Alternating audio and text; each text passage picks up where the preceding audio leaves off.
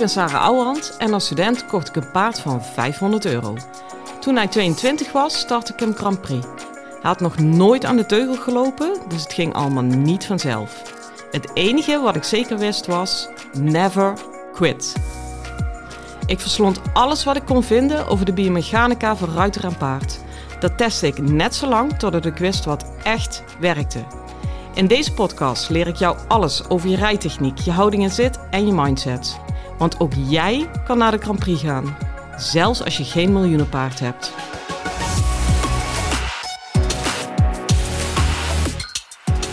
Hi lieve paardenmensen. Nou, ik uh, zet net twee vriendinnen de deur uit. Die heb ik ook echt de deur uitgezet. Dat zijn uh, vriendinnen die ken ik uit de paardenwereld. En uh, ja, je snapt wat het onderwerp van ons gesprek was. Nou, dus paarden en alles wat daarbij kwam. Nou ja, weet je, op een gegeven moment, je blijft ouwehoeren. En ik had echt nog werk te doen, waaronder een podcast voor jullie te maken. Dus op een gegeven moment ben ik maar gewoon opgestaan. Ik zeg, jongens, tot hier was het leuk en de groetjes.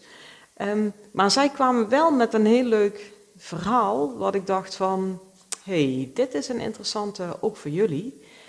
Um, we hadden het over uh, wedstrijdrijden en lessen maken en zo. En um, ja, zij zijn de bofkont die vanavond, echt vanavond, hè, om half elf mag starten. Ik zeg, jeetje, Mina, zijn ze helemaal... Dus op het moment dat ik me nog een keer omdraai, rijdt zij de AC-lijn op. Ja, gelukkig is het best nog wel een avondmens. Ik zou het op die tijd gewoon echt, echt, echt niet meer kunnen. Um, maar goed, zij um, vindt het alleszins te overzien. Zij rijdt nou lekker einde van de middag naar huis om te gaan wassen en vlechten. En uh, ze had het over de les die ze had genomen om, uh, als voorbereiding op die wedstrijd. En daar had ze commentaar op gekregen. Nou vind ik commentaar op lessen altijd heel interessant, omdat het uh, zo ontzettend veel zegt over hoe mensen in de sport staan. En, en, wat ze graag willen van hun eigen sport en instructrice als ze commentaar geven op de les van een ander. En dit was overigens niet op een van mijn lessen hoor, maar zij uh, lessen bij iemand anders, omdat ik geen uh, losse lessen aan huis geef. En um, er was iemand naar hun toegekomen aan het einde en die had echt compleet verbolgen, verbaasd, verbouwereerd gezegd.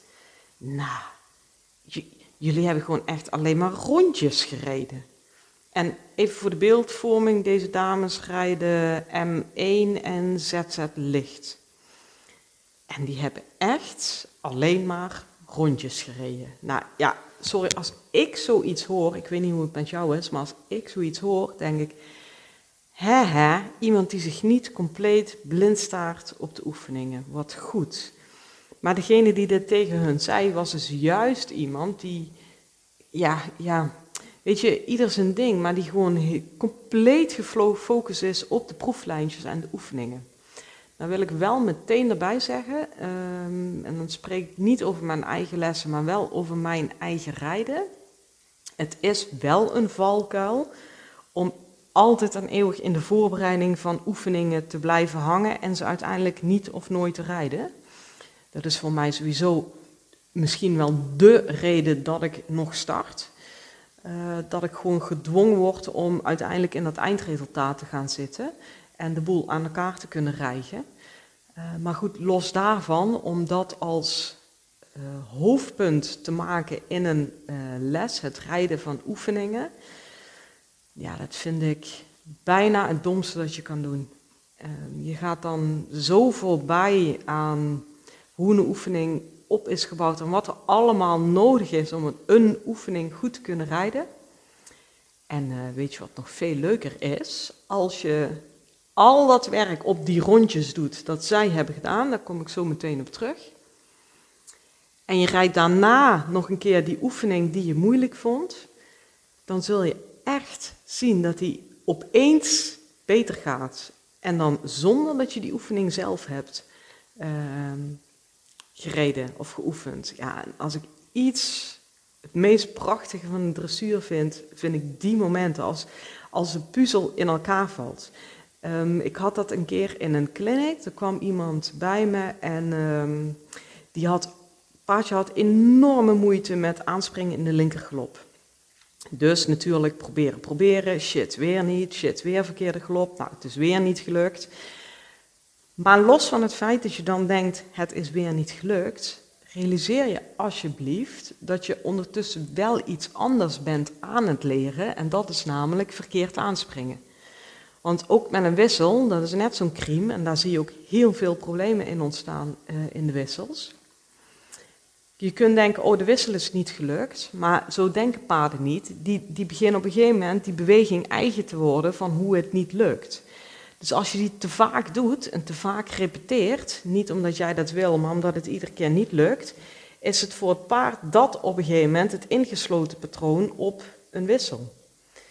Ja, dan, dan heb je echt, echt een vet probleem. Op de wissels kom ik zo terug, maar ik ga even terug naar die clinic, het probleem van de linkergalop.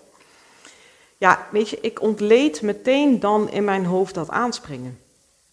En um, waar kan het dan misgaan? En ik praat ook wel met ze en dan, dan laat ik ze ook gewoon stappen op een volte links. En dan kijk ik alleen al hoe draai jij die volte links. En dan vooral neemt een paard in volte links stap echt het gewicht over op het linker achterbeen. Gewoon het binnen achterbeen. Want dat hebben ze straks nodig om in een goede linker galop te kunnen komen. En als ik zie dat in stap dat linker achterbeen al compleet buiten de massa floddert en niet goed aanstuurbaar is um, door de ruiter, ja, dan, dan vind ik het zo ontzettend logisch dat het paardje niet goed aanspringt naar links, uh, dat ik het niet eens ga proberen. Omdat ik denk, als ik van tevoren zeker weet door deze gegevens die ik nu op de grond zie, dat het niet gaat lukken, dan gaan we het dus ook niet doen. Uh, wat ik wel ga doen, is het accent op dat linker achterbeen vanaf het instappen meteen leggen.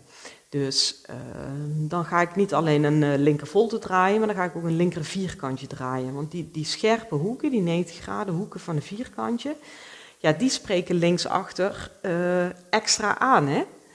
En dan ga ik ook een keer ehm, vlot op de linkervolte, drap, draf, stap, draf, stap. En dan heel vlot. En dan echt met het binnenachterbeen geplaatst naar het buitenoor. Dat wordt eigenlijk de hele les mijn, mijn focus. Dat zowel de ruiter, want weet je, dit zit natuurlijk ook over het kunnen aansturen van de ruiter. Dat de ruiter daar heel wakker in is. En ook gewoon dat het logisch en alsjeblieft automatisme wordt om daarop te letten eh, als je linksom rijdt. En in dit voorbeeld is het linksom, maar je kunt het natuurlijk één op één kopiëren naar verhalen over rechtsom dat de ruiter daar al meer automatisch is met haar aandacht. Um, dat daardoor het paard ook meer automatisch daar is met zijn aandacht en het gewoon krachtig plaatst.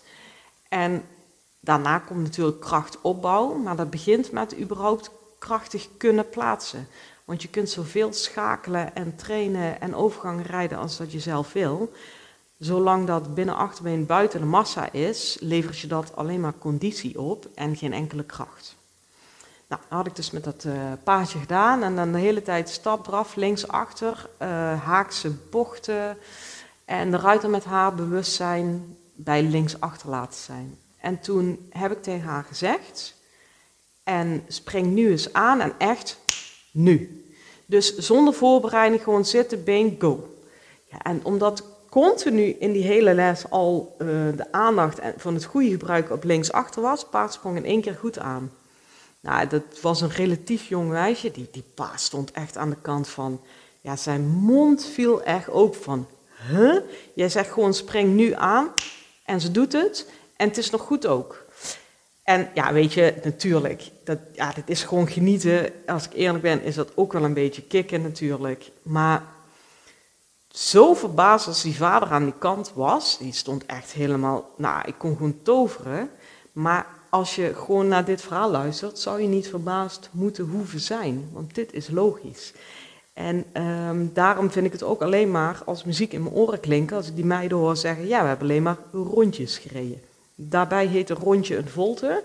Dus als je met commentaar over lessen van een ander komt, moet je ook even de goede termen gebruiken, lieve schat. Maar dat is even een, een, een zijdelingse. Dus ja, weet je, kijk ook eens zo naar je eigen rijden. Uh, sta je heel, ga je helemaal prat op je oefeningen? Dat kan, hè?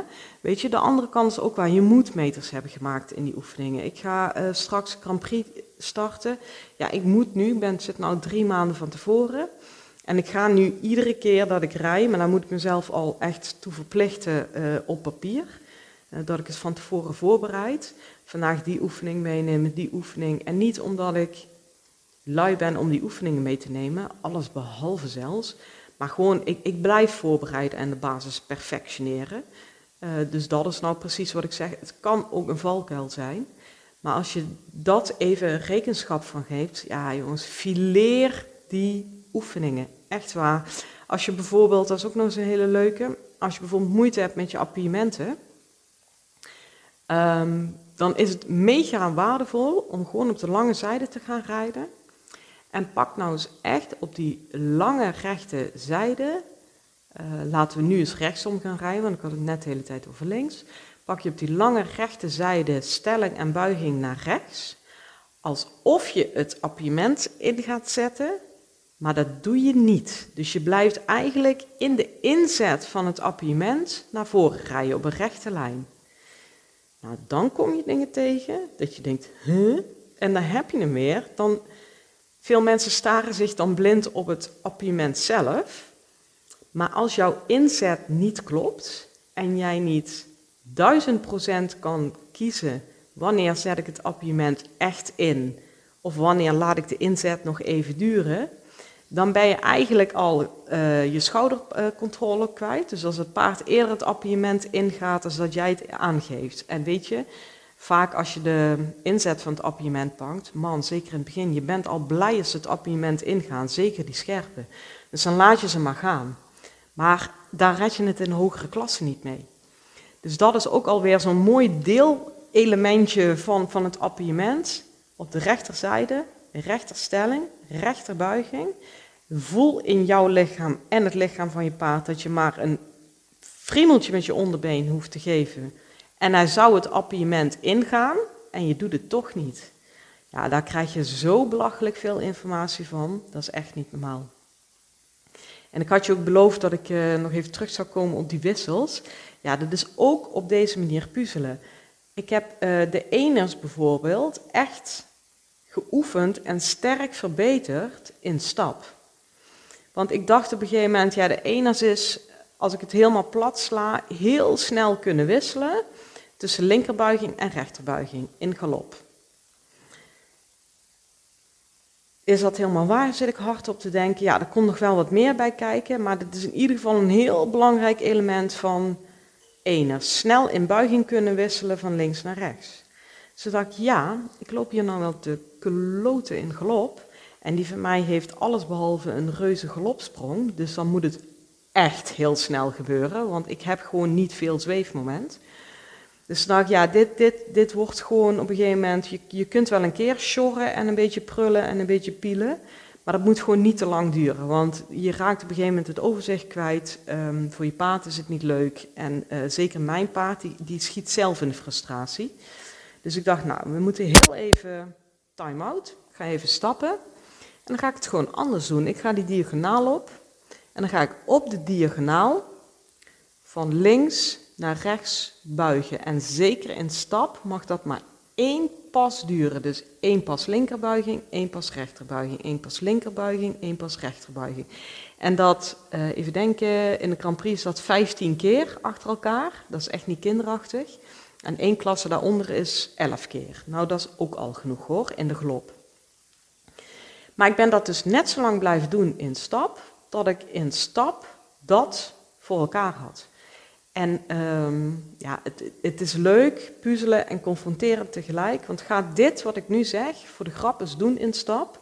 En voel hoe moeilijk dat is. Want je hebt, je hebt echt maar een halve pas, hè? Dan moet je alweer om gaan stellen. Dus um, ja, daar heb ik heel veel werk in verricht. En dan ook nog mijn eigen lichaam heel goed in gemonitord van... Oké, weet je, het is wel uh, snel van buiging van links naar rechts wisselen... Maar het is ook recht houden. Want de lijn die je rijdt is recht en je bekken moet helemaal niet overmatig van mee van links naar rechts draaien. Dus ja, als ik het zo allemaal al zeg, meer, meer dan genoeg te puzzelen in stap op een diagonaal. Dus al zou je tegen mij zeggen, nou ik heb deze les alleen maar gestapt. Ja joh, ik hang de vlag uit, echt. En ik heb ook met enige regelmaat, ik moet je eerlijk zeggen, ik durf het niet altijd bij nieuwe ruiters. Maar ik heb met regelmaat dat ik een les geef dat we echt alleen maar stappen. En dat ik echt mijn hand in het vuur steek. We hebben echt, zoals ze dat in Brabant zeggen, kei goed gewerkt. Echt kei goed. Veel beter uh, dan maar blijven ploeteren in die oefeningen. Stel, uh, ja, die eners, is helemaal een ramp. Als je ze daarin kwijtraakt, dan ben je gewoon nog niet jarig. En nu had ik in stap zo duidelijk het overzicht gecreëerd van waar überhaupt die snelle wisseling in buiging zat. Kijk, dan kun je zeggen, dan, dan zeggen, nou check, dat heb ik in ieder geval.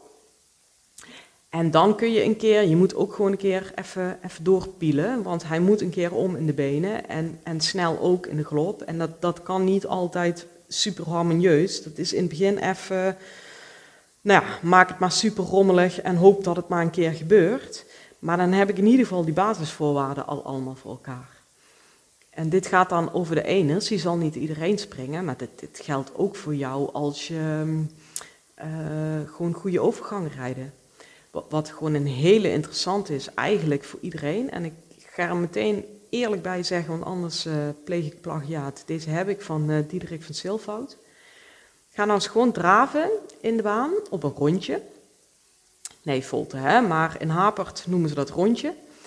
En uh, ga nou eens draven en dan ga je echt out, bijna voor jouw gevoel out of the blue gewoon aangalopperen. En dan moet je eigenlijk iemand op de grond hebben die bij een draven en dan zeg je nu aanspringen.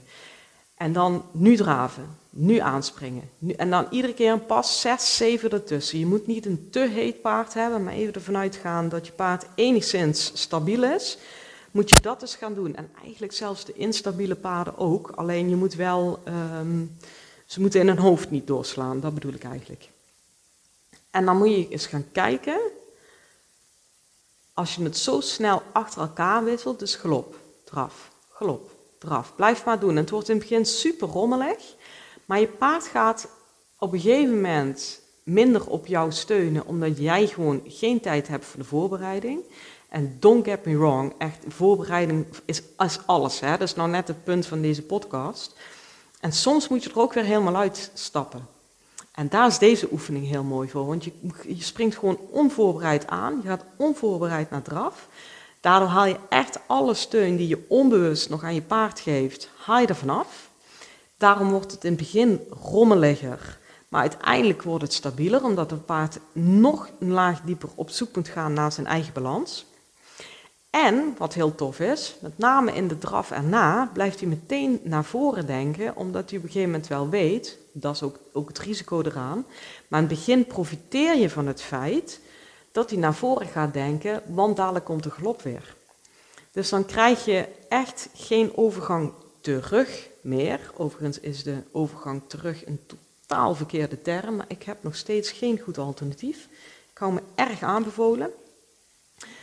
Um, maar dan is die overgang terug opeens ook meteen, meteen met een goede draffer achteraan. Op een logische manier, zonder dat je hoeft te duwen en te jagen. Ja, dat is gewoon spelend rijden. Ja, weet je, leuker is het niet. De, en als je dan, um, als je bijvoorbeeld dit werk doet, en ik vertaal het nou toch weer naar een oefening uit de proef. Ja, als je dan hierna, hè, dat ze hebben geleerd van, oh ja, ik moet na de galop ook naar voren blijven denken als je dan daar een eenvoudige wissel van maakt, dus galop, stap, mooi door het lijf doorstappen en de andere galop, ja, dan zou het wel eens kunnen dat je daar heel veel winst in haalt. Uitgaande van de paden die in de eenvoudige wissel echt stilvallen. Hè? Uh, je hebt natuurlijk ook die dribbelaars daartussenin. Dat moet je weer anders aanpakken, maar dat voert vanuit lang.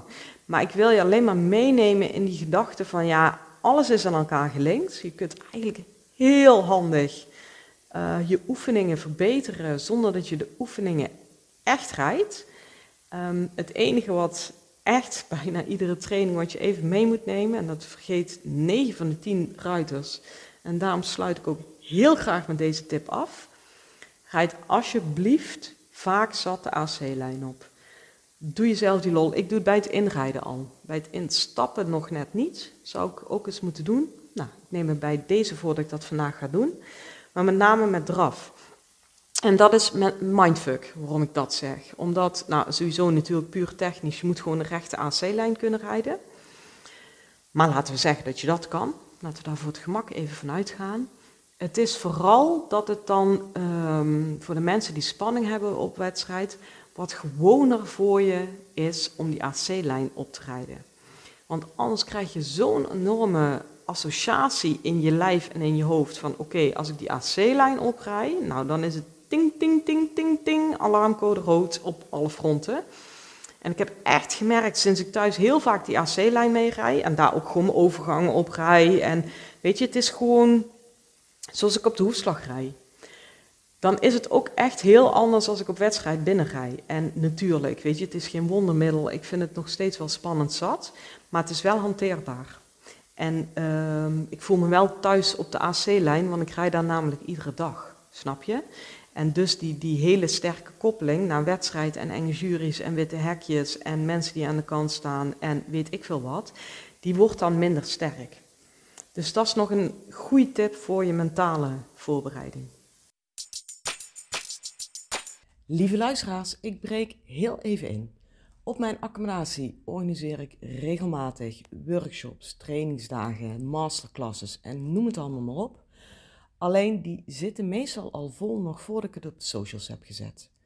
Nou, wil jij daar toch een keer bij zijn? Schrijf je dan even in voor de wachtlijst. Die link daarvan vind je in de show notes.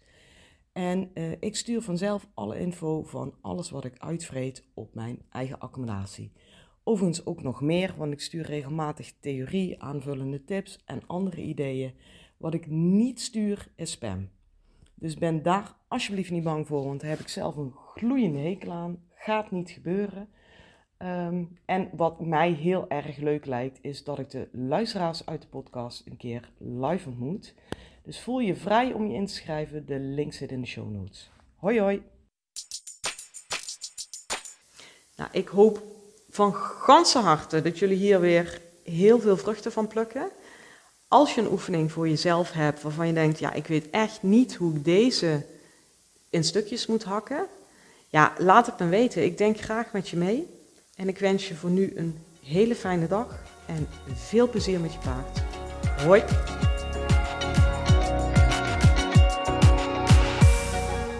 Lieve ruiters, dit was hem weer voor vandaag. Waardeer je mijn tips? Geef me sterren op Spotify en iTunes. Dat voelt voor mij als een dankjewel.